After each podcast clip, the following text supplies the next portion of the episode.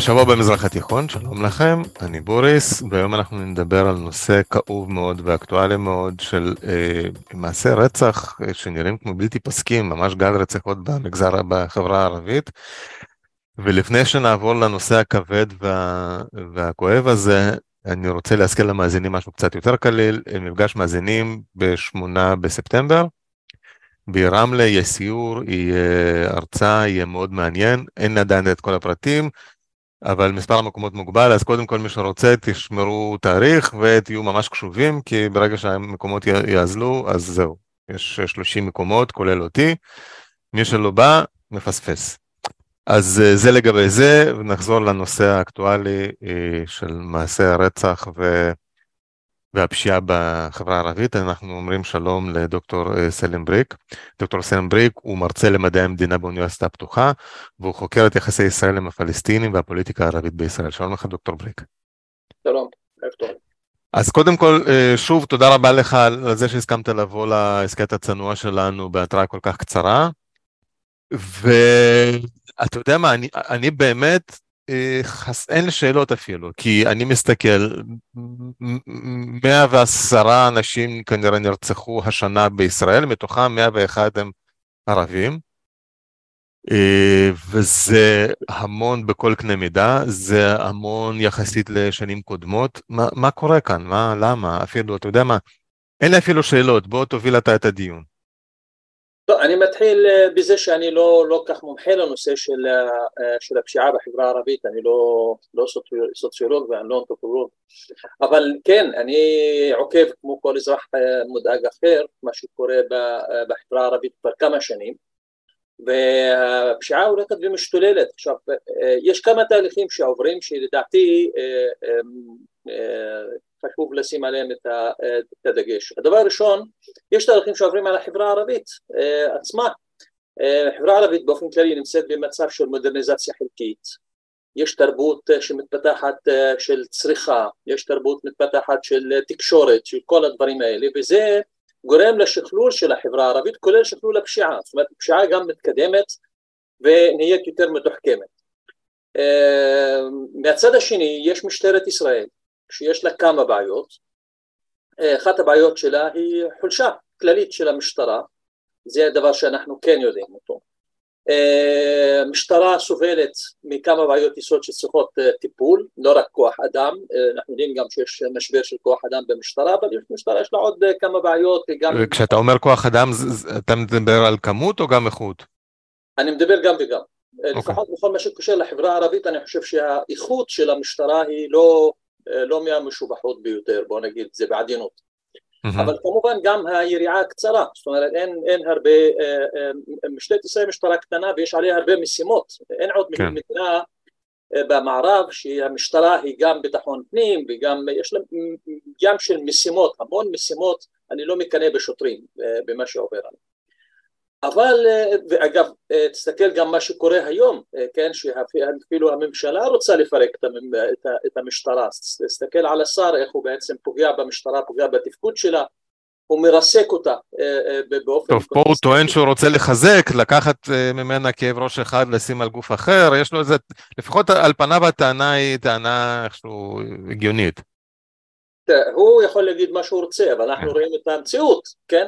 אה, למשל הוא זורע אי, אי אמון בין המערכות השונות.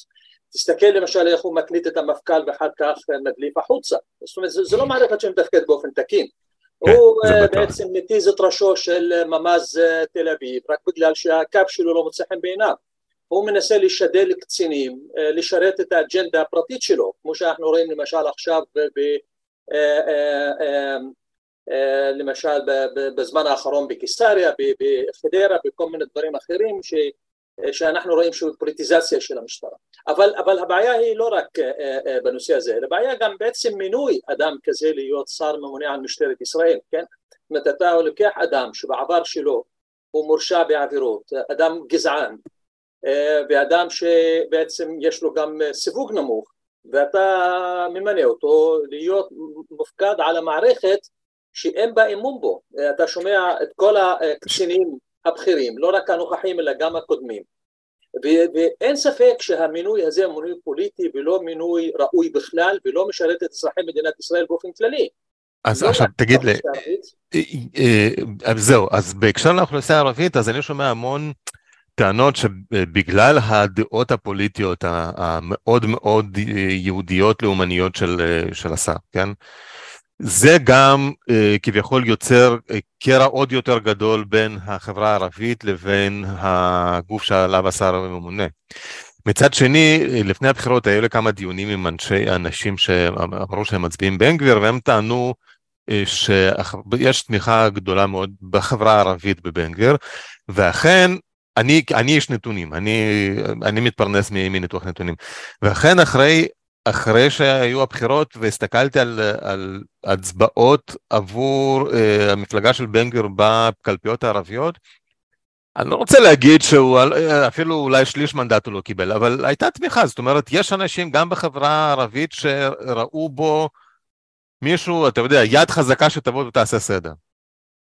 הוא, אה, הוא שיווק את עצמו ככזה. ככה הוא שיווק את עצמו, זה בטוח. קונים, אה, קונים דברים. תראה, הדעות הפוליטיות שלו הן לא הנושא החשוב, כן? אה, למשל, היה שר לביטחון פנים אבי דיכטר. אבי דיכטר הוא איש ימין, אבל אני חושב שהוא אדם מאוד ראוי לתפקיד הזה, והוא היה יכול לעשות את התפקיד בצורה מצוינת, למרות הדעות הפוליטיות שלו, אין שום בעיה. זאת אומרת, אם נתניהו היה באמת רוצה לשים את האדם הנכון במקום הנכון, אז יכול להיות שהוא היה שם את בן גביר בתיק החקלאות, שם הוא לא מזיק, ואת דיכטר כשר לביטחון פנים. אבל כנראה שהפוליטיקה יותר חשובה מחיי אדם, יותר חשובה מהביטחון האישי שלנו, וזה מה שקורה. עכשיו, שים לב גם שאפילו נתניהו אין לו אמון בבן גביר, והוא יודע שבן גביר זה לא הכתובת. ולכן הוא הזמין את חברי הכנסת הערבים אליו, כאילו הוא רוצה להגיד להם, אני אנהל את העניינים שלכם, את העניינים של הביטחון פנים שלכם מעל ראשו של בן גביר. עכשיו אני גם לא, לא יודע מה קורה בין בן גביר לבין המפכ"ל, זאת אומרת אנחנו רואים שהמפכ"ל הזה בעצם, גם הוא בעצמו מינוי לא טוב, אני לא רוצה עכשיו להיכנס לזה למה, אבל הוא סובל מבן גביר והוא מנסה להיות הבלם האחרון לפני הקריסה, כן, אז הוא בעצם האצבע בסכר אה, אה, בינתיים, אבל הוא גם עצמו לא מתפקד כמו שצריך, הוא בעצמו כושל, זאת אומרת כל המערכת מלמעלה היא בעייתית מאוד, היא לא מתפקדת טוב, ולכן אנחנו רואים את ההשתוללות. עכשיו שים לב, כן. היה ניתן לעצור את התהליך הזה, היה ניתן לפעול אחרת, יש לנו הוכחה, היה בר לב והיה סגלוביץ', סגלוביץ' עשה עבודה מצוינת, עשה עבודה, עבודת עומק, מקצועית, איכותית, עבד סביב השעון, וראינו תוצאות, התחלנו לראות את העקומה, מתחילה להשתנות. רגע, אבל כשאתה אומר עבד טוב, מה, איך זה התבטא בשטח? מה, מה, מה היה? תראה, היו כמה דברים. אה, אה, דבר ראשון, אנחנו ראינו אה, עבודה מקצועית, תכלול של הרבה משרדי ממשלה. שים לב, ארגוני פשע, איך, איך הם עובדים בעיקר? הם, הם, הם בעצם קונצרנים של כסף. כן. כן כך למשל, יישובים ערבים קטנים, כמה צ'יינג'ים יש ביישובים האלה לעומת יישובים יהודיים. עכשיו, מה זה צ'יינג'ים? זה מקומות שבעצם אתה ממיר כסף שחור. עכשיו, ארגונים כאלה מלאים כסף, עושים כסף רב, לוקחים בחורים צעירים בעצם שאין להם עתיד, אין להם, לא רואים אופק, נותנים להם כסף, נותנים להם מכוניות, אה, אה, נותנים להם אה, איכות חיים בתמורה לזה שהם יורים פה שם על כמה אנשים, אחר כך משתדרגים, אחר כך מתחילים לרצוח, כן, ובצורה כזאת. עכשיו, זה, זה מפתה. בא סגלוביץ' למשל, והתחיל לעבוד על העניין הכלכלי, התחיל לעבוד מול משרדי ממשלה שונים, לתכלל את כל המערכת הזאת. אנחנו ראינו גם עבודת מודיעין מאוד, עכשיו תבין, עבודת מודיעין אתה לא רואה תוצאות שלה מחר בבוקר, אתה uh, מכניס למשל uh, מישהו לתוך uh, ארגון פשיעה והאדם הזה אמור בעצם לגלות מקורות של נשק או משהו לא יודע מה. לוקח לו זמן עד שהוא מביא תוצאות, אבל כשהוא מביא תוצאות אתה רואה את התוצאות וראינו עבודה כזאת של סיגלוביץ', כי, כי אין מה להגיד, כאשר אתה ממנה אדם שהוא גם איש מקצוע וגם אדם הגון וישר בראש מערכת, הוא יתפקד בדיוק כמו שמצפים ממנו ובאמת יביא תוצאות.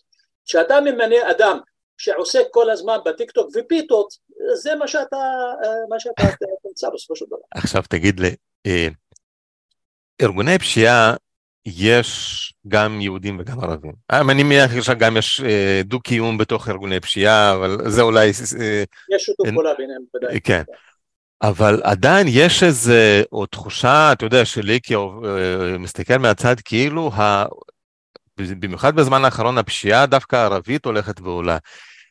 למה זה בעצם? כי הרי אה, כסף, שכלול וטכנולוגיה יש בכל המקומות, כסף יש בכל המקומות, אה, נערים בלי עתיד, אולי לא יודע, עכשיו אתה, אתה תגיד, יכול להיות שיש בחברה הערבית יותר, פחות נגישות לשירותים של מדינה, אה,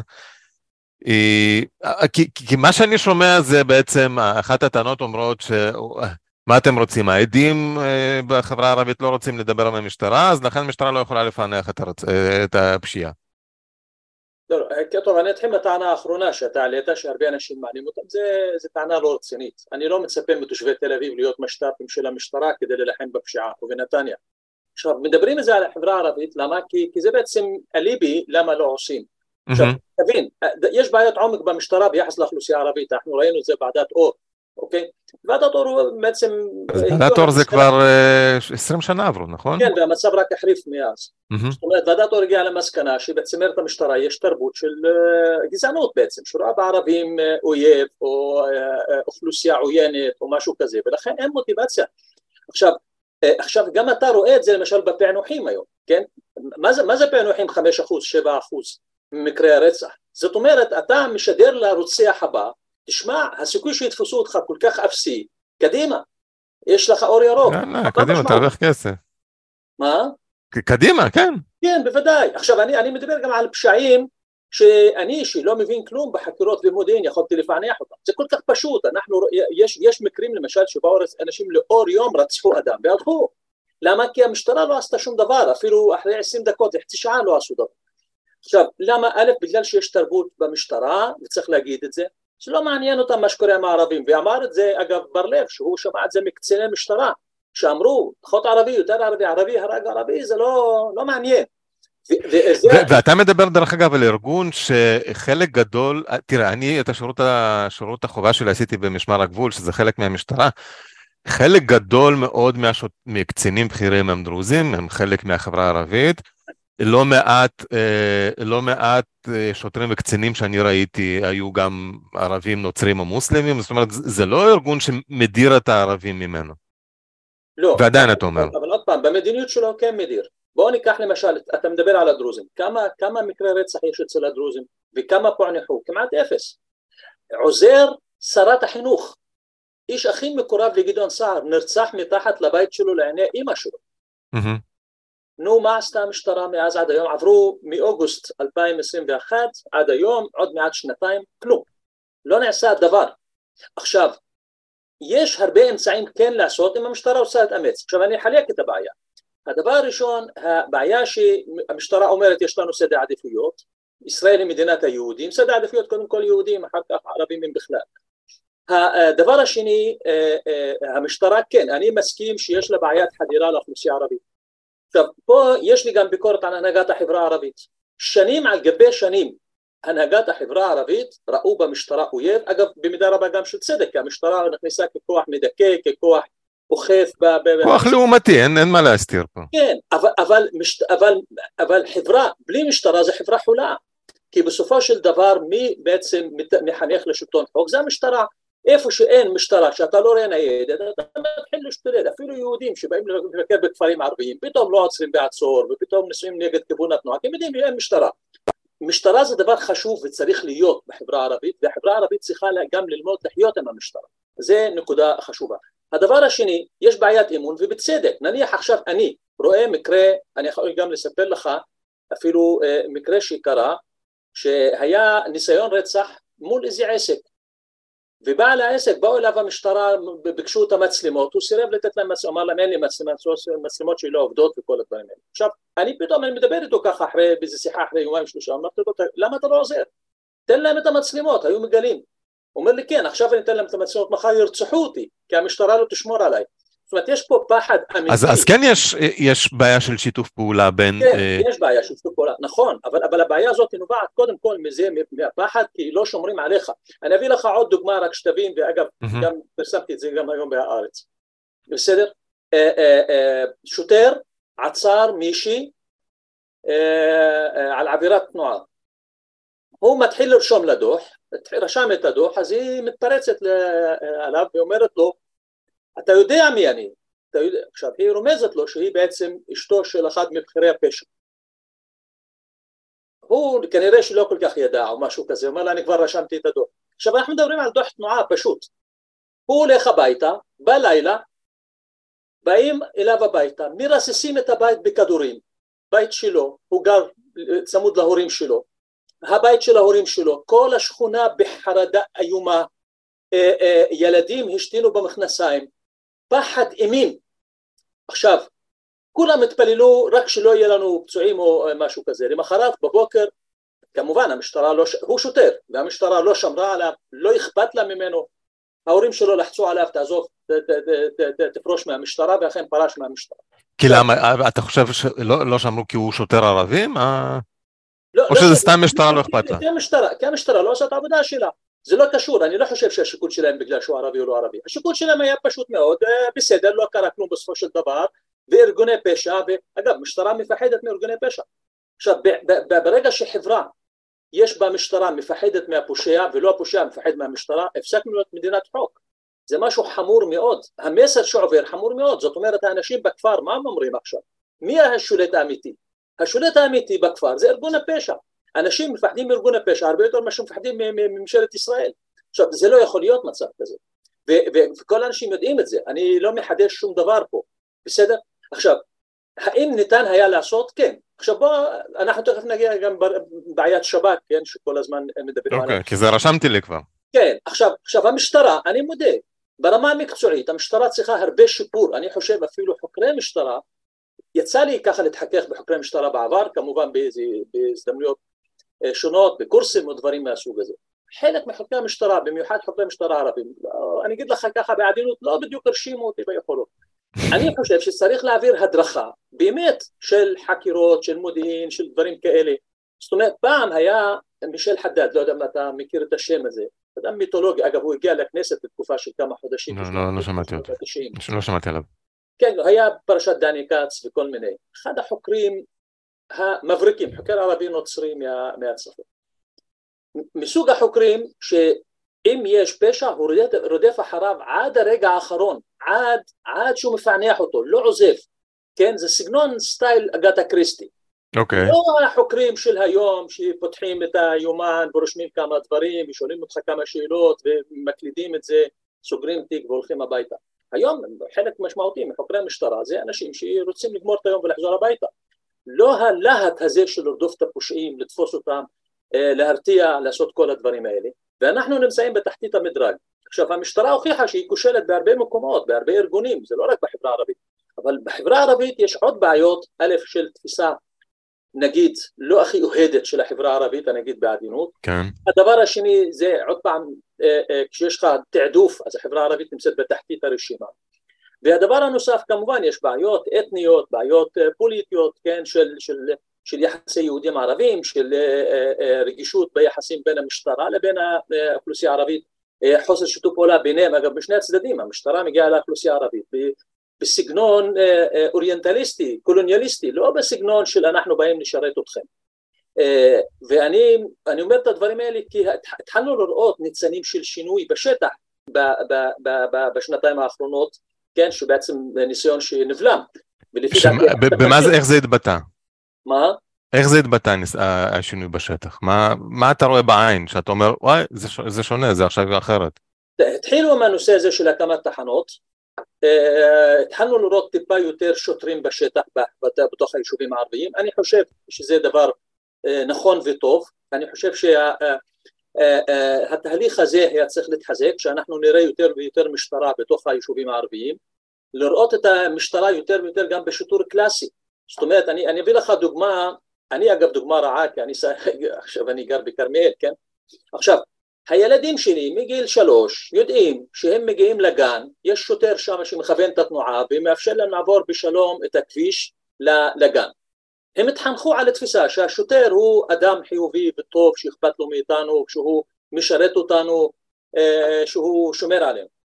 בחברה הערבית אתה לא רואה את הדברים האלה, אתה רואה את השוטר רק כאשר באים להרוס בית או רק כאשר באים לעצור מישהו אה, דברים מהסוג הזה, ולכן היית צריך גם לטפח תפיסה שהשוטר הוא בעצם חלק ממערך שהוא משרת את האזרח ושומר על האזרח ולא רק בעצם אוכף את החוקים, למרות שאני גם לא מקל ראש באכיפת חוקים. היו לי ויכוחים גם עם קציני משטרה בעבר, למה אתם לא אוכפים חוקים בכפרים? למה אני צריך לעצור ועצור בכרמיאל ולשים חגורה, אבל בדיר אל-אסד אני יכול להשתולל איך שאני רוצה. זאת אומרת, לי זה הפריע כי אני גם חושב שברגע שאתה מתפשר בדברים הקטנים האלה, אתה בעצם פותח פתח. תסמונת החלון השבור. הבנתי. אוקיי, אה. רגע, אנחנו, כי אני רוצה לשאול באמת על שאלת השב"כ, כי, כי עכשיו מדברים על זה. בנושא של המשטרה, אתה חושב שכיסינו את, לא יודע, הצלחנו לגרד את השטח מספיק עמוק בשביל לעבור לשב"כ, או שיש עוד דברים? אני, אני חושב שאני אמרתי את הדברים המרכזיים. אה, תראה, יש משהו שלדעתי גם חשוב, אה, לקדם שוטרים ערבים לתפקידים בכירים יותר. זאת אומרת, זה מפריע לי למשל, שלפחות אה, 20 שנה לא שמעתי על סנ"צ דרוזי במשטרה הכחולה. כחולה. כן, היה לנו מפקד מג"ב, כן, כן. ואני מעריך אותו מאוד וכולי, אבל אני רוצה גם לראות קצינים בדרגים גבוהים, אה, אה, אה, גם במשטרה.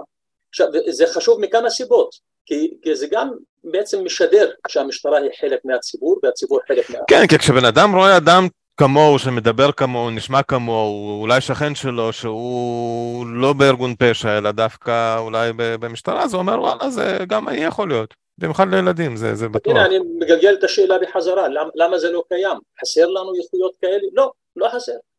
אבל הבעיה, עוד פעם, שיש משהו, צריך לבדוק אותו בתרבות הארגונית של המשטרה, ולבדוק אה, מה קורה שם. אני חושב שיש הרבה אה, ריקבון בממלכת דנמרק, אם אפשר להגיד את זה ככה. תשמע, פה אתה מחדש לי, אני הייתי בטוח שכמו אה, שיש הרבה סנאצים דרוזים במג"ב, אז יש גם בכחולה, אבל בסדר, יכול להיות ש... את, לא יכול להיות, בטוח אתה מכיר את הנושא הזה הרבה יותר טוב ממני. אה, היה גם אה, ניסיון, אני לא זוכר איזה שר זה היה, לפני כמה שנים לגייס שוטרים ערבים מתוך היישובים הערביים למשטרה הכחולה ישירות. אתה יודע אם זה הצליח, הם, הם הצליחו לי, לשמור על האנשים האלה במשטרה? אני לא ממש יודע, אני, אין לי נתונים. אני חושב שזה עוד בתקופתו של קהלני, הוא ניסה לעשות את זה. טוב, תקופת של קהלני זה... אה, הרבה שנים. תקופה מאוד רחוקה, אבל לא, בזמנו זה לא היה לזה הצלחה בכלל. אה, בזמן האחרון כן, אנחנו ראינו למשל בשנתיים האחרונות אה, הרבה פרסומים להצטרף למשטרה גם בערבית וכולי, ופנו לאוכלוסייה הערבית שזה דבר טוב, אני חושב מאוד חשוב להמשיך עם זה. כמה הצליחו עד עכשיו אני לא יודע, אבל חייבים להמשיך בדבר הזה. אני חושב שאוכלוסייה ערבית צריכה להתגייס למשטרה, גם צריכה להתנדב למשטרה. אישית אני הייתי שמח להתנדב, כן, ולעשות משהו שבסופו של דבר גם ישרת את כל האוכלוסייה, אותי לא מעניין לשרת את הערבים, אני רוצה לשרת כל אזרח במדינה. אבל כן, זה מאוד חשוב, זה עוד פעם, זה, זה קשור גם בכלל לשינויי תרבות פוליטית בחברה הישראלית, וגם בקרב היהודים, גם בקרב הערבים, בסופו של דבר צריך לטפח פה תרבות אזרחית, תרבות שבעצם באה לשרת את כלל האזרחים ולא כל השיח הלאומי הזה שבעצם כל הזמן אנחנו תקועים בו, בגלל זה אנחנו גם לא מצליחים לפתור בעיות יישום. כן, זה תקיעות ארוכת שנים. טוב, אז בואו בוא נדבר על שב"כ. מה, מה הסיפור? למה מדברים על אה, להכניס את השב"כ, ומה הסכנות של זה? טוב, בואו נתחיל עם הדברים העוגנים המרכזיים של הדיון הזה. הדבר הראשון, אין ספק, שב"כ יש לו יכולות הרבה יותר גדולות מהמשטרה, ותרשה לי להגיד ככה, למרות שזה משודר, יש לו גם איכויות הרבה יותר גבוהות, כן, אה, מבחינת כוח אדם, מבחינת יכולות, מבחינת אה, הבנת שטח אה, ודברים כאלה. עכשיו, שב"כ בעצם הוא אשם במידה מסוימת במה שקורה בחברה הערבית. הדבר הראשון שהוא אשם היה משהו שהוא בעצם הגביר את הפשיעה בחברה הערבית ואף אחד לא מדבר על זה, זה בעצם זה ששב"כ הביא אלפי משת"פים מהגדה המערבית ובעצם אה, אה, אה, שיכן אותם בתוך כפרים ויישובים ערביים בערים מעורבות. עכשיו אלה הוא בעצם נותן להם באקינג, כן? הם אנשים שלו. והאנשים האלה הם באים מרקע בעייתי. הם בעצם יש להם בעיות סוציופתיה בגלל שהם לא כל כך מקובלים בחברה שנטלו אותם בתוכה, בתוך החברה הערבית בתוך ישראל. ולכן חלק משמעותי מהם גם מדרדר לפשע עכשיו הם גם מדרדרים לפשע וגם יש להם גיבוי של שב"כ, עכשיו אני לא רוצה להגיד ששב"כ נותן להם אור ירוק לעשות מעשי פשע וכולי וכולי, אבל לפחות הם מרגישים ככה ולכן הם מרגישים ככה יש להם כוח בדברים דבר שני... וגם יש להם פחות מה להפסיד, כי הם גם ככה את המשפחה הגרעינית הם הפסידו כבר. לחלוטין. אז הם הגבירו, ואין ספק, הגבירו באופן משמעותי את הפשיעה בחברה הערבית. זה ידוע. הדבר השני, לא אני אומר את זה, קצינים בכירים במשטרה אמרו בעבר, אני לא זוכר מי מהם, אבל אמרו חד משמעית ששב"כ נותן גיבוי לפושעים ומונע מאיתנו לחקור. ואחר כך, כאשר קמה מהומת אלוהים, אז הם חזרו בהם. זה מצמר את המשטרה, לא אני אומר את זה, אבל, אבל אני יכול גם להגיד לך שאני שמעתי מקציני משטרה, כן, שהיה להם לחץ מלמעלה על תיק מסוים, תרדו מזה, בסדר? עכשיו, גם אם נניח שכל זה סתם שמועות, זה מדאיג מאוד. דבר נוסף אה, שאפשר להגיד על שב"כ, באים אה, כל מיני אנשים שהם חרדים לזכויות אדם, אגב כל מיני עיתונאים מטעם, ואומרים לך מדרון חלק וכניסת שב"כ שהוא מתחיל לפקח על האזרחים הערבים בכלים שלא מתאימים לאזרחים הערבים, כאילו שאנחנו חיים בסרט. שב"כ מפקח על האוכלוסייה הערבית כמו שהוא מפקח על הערבים בגדה המערבית, בדיוק. הוא חודר לפרטיות של האזרחים הערבים כל הזמן סביב השעון. אבל מה העניין? אבל א', זה משהו שמין שקר שכולם מסכימים עליו, כאילו שב"כ לא, לא מרגל אחרי אזרחי ישראל הערבים, הוא כן מרגל, גם אחריו. הדבר השני, הנתונים קיימים אצל שב"כ, אוי ואבוי אם שב"כ לא יודע מה קורה מבחינת תפוצת נשק בכל, בתוך האוכלוסייה הערבית. זה, זה, זה, זה, אגב זה צריך להדאיג כל אזרח אם בכלל שב"כ טוען שהוא לא יודע. אני מניח שהם כן יודעים, השאלה היא האם משתמשים במידע שיש להם כדי למגר את הפשיעה או שאומרים המידע שלנו זה רק לענייני שב"כ, לשימוש פח"ע. פח"ע. בסדר? עכשיו יש את העניין הזה של מה שנקרא אה, פשע לאומני. עכשיו אני פונה דרכך גם לשב"כ ושואל אותה, למה כשערבי רוצח יהודי, כן, או מאיים לרצוח יהודי זה משהו לאומני ושב"כ צריך להיכנס, אבל כשהרוצח מאיים עליי לרצוח אותי, שאני אזרח בדיוק כמו האזרח היהודי לפחות פורמלית, למה שב"כ פתאום זה לא לאומני? זאת אומרת ההגדרה הזאת היא, היא כאילו רק אם אתה יהודי אז פתאום הפשע לאומני ואם אתה לא יהודי אז הפשע הוא לא לאומני. אני לא מקבל את זה. עכשיו אני הייתי שמח שבאמת שב"כ יעסוק רק בתחומים שלו כן? סיכול ריגול סיכול אה, אה, טרור ואני יודע ששב"כ עובד קשה מאוד. ואני יודע שכל יום יש ים של התראות על פיגועים וכל מיני דברים כאלה ואני מבין את העבודה הקשה שהם עושים. אבל הטיעון הזה שהם לא אה, או של כמה מהכתבים, כתבי משטרה, דברים כאלה, שכאילו שב"כ לא רוצה להיכנס כדי לא לפגוע בזכויות יסוד של האזרחים הערבים, לא להשתמש, זה, זה קשקוש מחלט, שב"כ עושה את זה יום יום, שעה שעה, השאלה היא לא פה, השאלה האם אנחנו נעשה שימוש במידע הזה או בנתונים וביכולות האלה, ננדב אותם למשטרה כדי שהיא תפעל כן או לא. עכשיו יש כמה דרכים ששב"כ אבל, אבל פה יש טענה שאומרת, חלק מהעובדה שהשב"כ יכול לעשות פעולות יותר איכותיות, להעסיק אנשים יותר איכותיים, כי המיקוד שלו הרבה יותר צר. ברגע שאתה אומר, אוקיי, מעכשיו אתם לא רק מתעסקים בריגול נגדי וסיכול פח"ע, אלא גם בפשיעה, פשיעה חקלאית, אה, נשק, אז זה כמו משטרה, זה עוד פעם פיזור על אה, אה, שמיכה קצרה, ואז הכל חוזר חלילה. לא, לא, א', אני לא אמרתי שהוא צריך להפסיק להילחם בפח"ע, בריגול... לא, לא, זה מה שאמר, אבל אם אתה מוסיף לו, כן, מוסיף לו... אני לא מוסיף לו, עוד פעם, אני לא מוסיף לו, הלכה למעשה הוא עושה את זה כל הזמן. אנחנו, כן, אוקיי. כל הזמן, כל, תראה, אנחנו ראינו את זה בכמה מקרים, למשל בשומר החומות, למשל במקרים שאפילו אה, רוקחת אה, פרסמה משהו בפייסבוק, פתאום שב"כ עצר אותה. זאת אומרת, אנחנו יודעים שהוא נמצא, אנחנו יודעים שהוא מעולם לא יצא מהחברה הערבית. בשנות הממשל הצבאי, שב"כ שלט בחברה הערבית באופן מוחלט.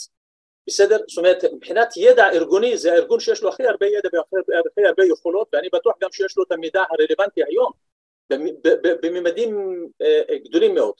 עכשיו, אה, האם הוא צריך לעזור? אני חושב שהוא כן צריך לעזור. א', כדי לפצות על, על הנזק שהוא גרם לנו בזה שהוא הכניס את, ה, אה, את המשת"פים לתוך האוכלוסייה הערבית. דבר השני, שב"כ צריך לשמור על האזרחים הערבים מפני טרור, אני חושב שארגוני פשע בחברה הערבית הם ארגוני טרור, גם על זה כתבתי היום, כן?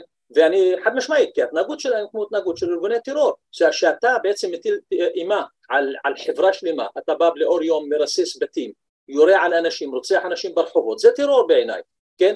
אז ההגדרה... זה, זאת הגדרה של טרור, הפחדה. כן, בדיוק, הפחדה. אתה, עכשיו, הגדרת טרור זה הפחדה לצורך השגת יעדים מדיניים, או יעדים כלכליים. דבר שני, ומאוד חשוב, ואני חושב ששב"כ למד את זה, תמיד יש לינק בין פשיעה לבין uh, פלילית לבין ביטחון בסופו של דבר. זאת אומרת, אותם סוחרי סמים שהיו בשנות ה-80, בשנות ה-90, שאנחנו הגדרנו אותם כמובן פשיעה פלילית, הם בעצם אלו שהתחברו לגורמים לאומניים ופעלו נגד המדינה. נשק היום זה מופנה לצרכים פליליים, מחר אני לא יודע למה, למה הוא מופנה. זאת אומרת, הנושא הזה, צריך לראות אותו לא בזווית הצרה הזאת של אל תוסיפו לי עוד תעסוקה או משהו כזה, כמו שאומר ראש שב"כ, אלא פשוט לראות את זה בפריזמה יותר רחבה, שהחברה הערבית היא חלק בלתי נפרד מהחברה הישראלית ויש לה שאלות של ביטחון פנים, ושב"כ צריך גם לשמור, לתת, לתת יד שמירה על ביטחון הפנים של כל אזרחי המדינה. תגיד לי, עכשיו, אז בוא, אבל יש פה איזה נושא שהוא גם עולה מהצד השני. אנחנו אה, אומרים עכשיו, אוקיי, המשטרה צריכה להיכנס יותר לכפרים ערביים, להיות יותר נוכחת, אולי להכניס שב"כ, ואז באים חברי כנסת ואומרים, תקשיבו, אתם עושים לנו שיטור יתר, מה זה הדבר הזה? אני, אה, לא יודע, בשכונת ה... בשכונה ברחובות, אני לא רואה ניידת של מג"ב כל חמש דקות, למה אני צריך בדיר אל-אסד לראות ניידת של מג"ב כל חמש דקות? אז האיזון הזה הוא, הוא גם מאוד עדין, כאילו, מה אתה אומר על זה? אז א', אני אשאל אותך, כמה מקרי רצח היו ברחובות בעשר שנים האחרונות, וכמה מקרי רצח היו בדיר אל-אסד בעשר שנים האחרונות? אה, אה, למשל, יש משפחה אחת בבענה שהיא צמודה לדיר אל-אסד, שעד עכשיו למעלה מ-20 נרצחים, חלק מהם ממש ברחוב, ברמזור, כן? חיסול חשבונות בתוך המשפחה, זה סכסוך חמולתי. אז ברחובות זה לא קורה. עכשיו, אם יש מלא נשק וכל אחד יכול לשלוף נשק, היום על כל ויכוח קטן שולפים נשק בחברה הערבית, צעירים בני 18 מסתובבים עם נשק, עם אקדחים, אז זה לא קורה ברחובות. אה, דבר שני, אני לא אומר צריך להכניס שב"כ עוד פעם כמו שנות החמישים לשלוט בחברה הערבית, כן, למרות שהוא פיזית נמצא, אבל כן. נתעלם מהנקודה הזאת. אני אומר, יש, יש משימה, בעצם בואו נקרא לזה בעצם הוראת שעה, שיש שלושה ארבעה ארגוני פשיעה מרכזיים בחברה הערבית שמטילים אימה, הם גורמים הרס אדיר לחברה הערבית, למשל היום אין רשות מקומית שלא מפחדת מארגוני פשע, אין החלטה כלכלית ברשות מקומית שלא סוחטים אותה ארגוני הפשע, כספים, סוחטים קבלנים, מכרזים, כל מיני דברים כאלה. עכשיו, זה, זה כבר לא רק עניין פלילי, כן? זה עניין שקשור לביטחון הקיומי של האזרחים הערבים, חד משמעית.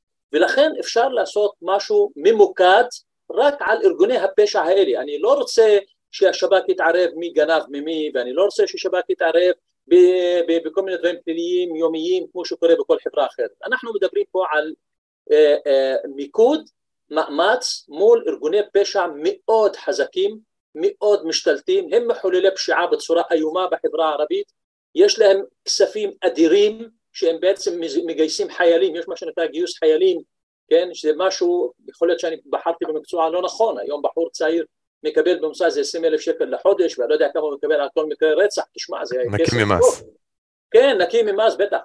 אז, אז, אז, אז זה, זה כבר מתחיל להיות תמנון, זה לא רק פשיעה במובן הפלילי הצר של המילה, אלא השפעה רוחבית על כל התקדמותה של החברה הערבית באופן כן, כללי. כל ארגון צריך לגדול, בין אם זה חברה... הם גדלים בצורה, בצורה, בצורה מאוד מאוד מפחידה, בצורה מבהילה, ולכן צריך לרכז מאמץ בנושא הזה, ותראה, פה יש הבחנה לדעתי בין חברי הכנסת הערבים שאני גם מתווכח איתם לא מעט על הנושא הזה לבין הציבור, הציבור הערבי אומר עזוב אנחנו לא משנה מי יילחם לנו בארגוני הפשע האלה, אנחנו רוצים מישהו שיציל אותנו, אנחנו מבוהלים, מפוחדים.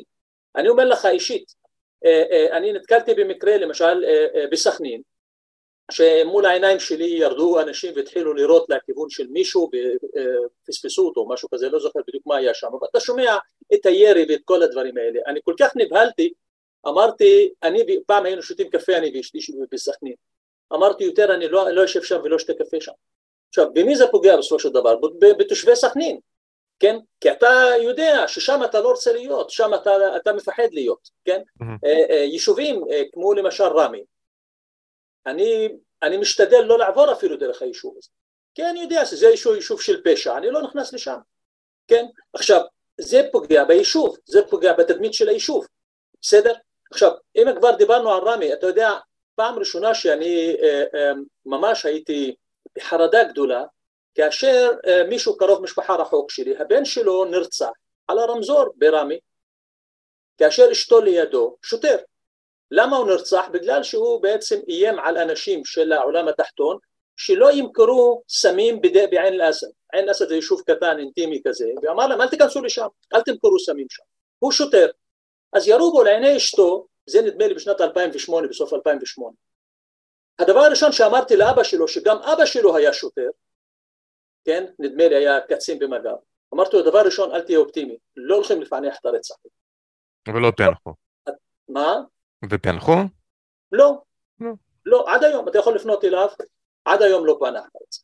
עכשיו, מה אתה משדר? גם שוטר שהוא נרצח, המשטרה לא עושה מספיק כדי לפענח. אז פה יש נסיגה בפני ארגוני הפשע. יש, אתה יודע כמה אנשים אומרים לי, תיזהר, מחר יחסלו אותך, אתה, אתה יוצא נגדם יותר מדי, אפילו אשתי מתה מפחד שאני מדבר על זה. זה טרור. אם אתה רוצה הגדרה ברורה של טרור, זה טרור. אז תגדירו את שלושת הארגונים, ארבעת הארגונים האלה ארגוני טרור, תטפלו בהם כמו בארגוני טרור. אגב, יש לי גם ביקורת קשה מאוד על, ה, על מערכת המשפט. עכשיו, לא שמערכת המשפט באמת, תראה, יש גם בעיה שעוצרים פושע בסדר גודל כזה, והוא בא עם סוללה של עורכי הדין מהטובים ביותר שיש. תשמע, זה, והמשת, ומערכת המשפט רוצה לשמור על זכויות האדם וכל הדברים האלה, זכויות עצורים שאני מאוד מעריך ואני חושב שככה צריך להיות. בסופו של דבר, הפושעים מנצחים את המשטרה גם בתוך מערכת המשפט. לכן צריך מצבים לא טבעיים דורשים כלים לא שגרתיים, ולכן לפעמים כן. לא, אתה אומר גם, אה, אה, איך קוראים לזה, מעצרים מנהליים, משהו ש...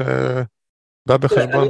אני, לא, לא, לא חושב כל כך במושגים האלה, אבל אני חושב שצריך לתת יותר כוח למשטרה, כן, לעשות חיפושים יזומים בבתים חשודים מאוד, כמובן צריך להיות לך סיבה חזקה מאוד למה אתה עוצר, נכנס לבית של מישהו ועוצר חיפוש. אה, אני חושב שיש אה, כמה אנשים שאפשר לספור אותם על אה, אצבעות שתי ידיים, שכן אפשר להשתמש באמצעים קצת דרקוניים כלפיהם לתקופה מוגבלת, אה, להשתמש באמצעים שלא משתמשים בהם נגד אזרחי מדינה, אה, כן, אה, דברים כאלה, באישור כמובן הכל צריך להיות באישור מערכת המשפט, כן, וכולי, בחקיקה מתאימה. אגב, גדעון סער התחיל עם תהליכי חקיקה מאוד טובים בנושא הזה, חלק מהתהליכים האלה נעצרו בהמשך, כן, וזה דבר בעיניי מאוד מאוד חמור. אז יש, יש כמה כלים שאפשר לעשות אותם. כן, עכשיו שים לב, אה, אה, אה, הבעיה מתחילה ומסתיימת בזה שהדרג המדיני כן רוצה לטפל בבעיה או לא רוצה לטפל בבעיה. האם הדרג המדיני כן רוצה לטפל? לא, הרצון יש, יש סוגים, יש כאלה, כן, כולם רוצים לטפל, שאלה מה אתה רוצה לעשות בשביל לא לטפל. אני לא רוצה לרוץ אולטרה מרתון, מה אני ארוץ? לא. תראה, אני לא בטוח, אני שמעתי את נתניהו עוד ב-2012 דיבר בסגנון הזה שהוא רוצה ללחם, אז מה קרה, למה לא עשית כלום עד היום? זאת אומרת הצהרות והצהרות והצהרות. עכשיו עוד פעם, כאשר ממשלת בנט אה, רצתה להילחם בפשיעה, איך ידענו שזה היא רצינית? כי היא מינתה את האנשים הנכונים במקום הנכון, הקצתה משאבים, והיה שם פרויקטור בשם סיגלוביץ' שעשה עבודה מצוינת, הוא היה עובד סביב השעון יום יום יום יום לא, לא עוצר לרגע, ולכן ראית גם תוצאות, תחילה של תוצאות. זאת אומרת השאלה איך אני בודק תוצר מסוים של, אה, של החלטה מדינית במה שקורה בשטח. אז שם ראינו התחלה טובה של טיפול, פה אנחנו לא רואים התחלה של טיפול. תשמע, אני לא יכול לסיים את הדיון הזה בלי לדבר על אה, נושא של אה, ריב חמולות ונקמות דם. כי זה, אתה יודע, לפחות בפולקלור יש טענה שאומרת שכל עוד זה לא נגמר, זה לא נגמר. אני דרך אגב, בדיוק חזרתי מטיול בגיאורגיה, שגם שם היו מנהגים כאלה, והמדריך שלנו סיפר ש... עשו, אה, ממש ספרו שמות משפחה של מצבות, ויש 5,000 שמות משפחה שנמחקו, כנראה בגלל אה, עניינים של, אה, של רבי חמולות. אז בוא נניח שהכנסנו את כל כוחות המשטרה ודיכאנו את הארגוני פשיעה. עדיין יש משפחה א' ומשפחה ב', כל אחת מרגישה שהמשפחה השנייה חייבת לה כך וכך גופות. איך עוצרים את זה? תראה, בוא נחלק את זה לשני חלקים באופן גס. אנחנו נטפל, כן, כמערכת משפט ומשטרה ושב"כ וכל אלה, נטפל בפשע המאורגן, נוריד באופן דרסטי את עקומת הפשיעה, והדבר השני, שהוא בעצם פשיעה שהיא בעצם אה, רצח אה, על כל מיני סיבות, כמו רצח אה, מסיבות רומנטיות ורצח, לא יודע, מכל מיני סיבות, חמולות, אני הבאתי את הדוגמה למשל בעני, באמת זה חמולה אחת שרוצחים אחת את השני במשך שנים ארוכות, זה משהו שאנחנו לא חושבים שהמדינה צריכה לטפל בזה, פה יש צריך להיות טיפול מערכתי, פה יש באמת תפקיד מרכזי לראשי הציבור הערבי, אגב לא כל כך ממלאים תפקידם כראוי בעניין הזה, יש פה תפקיד באמת של לבדוק את האינפרסטרקצ'ר, כל, ה, כל הבסיס כן, של, ה, של הדבר הזה, אבל, אבל שים לב, ברגע שהיה הרצח הראשון על, רקע חמולתי והרוצח לא, לא, לא נתפס, אז בא הרצח השני, בא הרצח השלישי, בא הרצח הרביעי. יש את העניין הזה של משילות, אגב אני מתפלא אבל אני קצת גם מסכים עם בן גביר, פה ושם יש בעיות של משילות, זאת אומרת כן, יש, יש מקומות שהמשטרה לא קיימת, יש מקומות שאנשים גובים פרוטקשן וכל מיני דברים כאלה, לא מזמן שרפו אוטובוסים ככה אה, של, של זה חברה שלא רצתה לשלם או משהו כזה. דברים כאלה צריך לטפל בזה בחומרה, עוד פעם, כן, בלי, אה, בלי שום קשר. ואז כל העקומה תרד, גם העקומה של רצח בתוך ה... עכשיו, החברה הערבית בישראל היא לא מנותקת מחברות ערביות אחרות, בגדה המערבית, ברצועת עזה, בירדן, מה שאתה רוצה. אז למה שם אין פשיעה משתוללת כמו שיש פה? כי פה אין שיטור, אין משטרה ואין. אכיפת חוק. תראה, התפיסה של, של, של המדינה לפי הופס נועדה רק לדבר אחד, לשמור על האדם מהאדם. זאת אומרת התפיסה של הופס הייתה שאדם לאדם אה, אה, אה, זאב, כן, והאדם מונע על ידי פחד מרצח, ממוות אלים, ולכן אנחנו צריכים כוח שיטור שישמור עלינו מהאדם האחר שלא יפגע בנו, כי ברגע שאין חוק ואין שוט שימנע ממנו, הוא יעשה את זה. כן, עוד, עוד לפניו, גם בתלמוד, אה, אני לא זוכר את הציטוט המדויק בארמית, שאומרים שללא המלכות אדם, אה, את אדם היה אוכל אה, חי. חי. נכון, כן, זה, זה, זה, ולכן לכן פה צריך מרות, צריך כוח, צריך משטרה, צריך מערכת שלטון חוק, אנחנו צריכים להיות כולנו להיות שווים בפני החוק, רצח הוא דבר מתועב שצריך לשלם עליו את מלוא המחיר בכל מקום, כן, ואין הצדקה לשום מקרה רצח, אני לא רואה אף מקרה רצח אחד שאני יכול להצדיק חס וחלילה את המקרה הזה, ולכן אם אין הצדקה אתה צריך לתפוס את האנשים האלה ולהכניס אותם לכלא, כל עוד שאחוז הפענוחים כל כך נמוך, זה משדר שני דברים, א' למשטרה לא אכפת מאוכלוסייה ערבית, ב' יש אור ירוק לרצוח, כן, כי פשוט מאוד, אתה לא יתפסו אותך, אז אתה רוצה לחסל לחשבון עם מישהו, למה לא לעשות את זה? הרי גם ככה אין מחיר, אז למה לא לעשות את זה? טוב, תשמע, אה, הזמן שלנו תם, אה, כנראה שאפשר לדבר על זה בטח סמינריונים לאוויר. אה, אני מאוד מאוד מקווה שמשהו יזוז, כי באמת זה שוק אדיר, אני, אני, אני לא מקנא באנשים שחיים ביישובים ערביים ופשוט שומעים את היריות כל יום ובאמת באמת פחד אלוהים. אז מפה אני, מה אני יכול להגיד לאנשים? תהיו חזקים ולמשטרה תעשו את העבודה. אה, לכל המאזינים מזכיר להירשם להסכת הזה בכל יישומוני הסכתים באשר הם. את הפרק הספציפי הזה אני מאוד אשמח אם תשתפו את זה, כי הוא באמת מאוד חשוב. מאוד חשוב. אה, מפגש המאזינים שמונה בספטמבר כבר אמרתי. אה, זהו, מה אני אגיד לכם? שיהיה לנו יום טוב, שבוע רגוע וחיים שלווים ובלי פשע. ביי ביי. תודה רבה, תודה. תודה לך, ביי. הירשמו להסכת ב Apple Music, Spotify וכל אפליקציית פודקאסטים שאתם אוהבים. כדאי ומומלץ להירשם לרשימת התפוצה השבועית של דוקטור פרידמן, בה הוא סוקר את חדשות השבוע במזרח התיכון. חפשו השבוע במזרח התיכון בפייסבוק. נשתמע בשבוע הבא.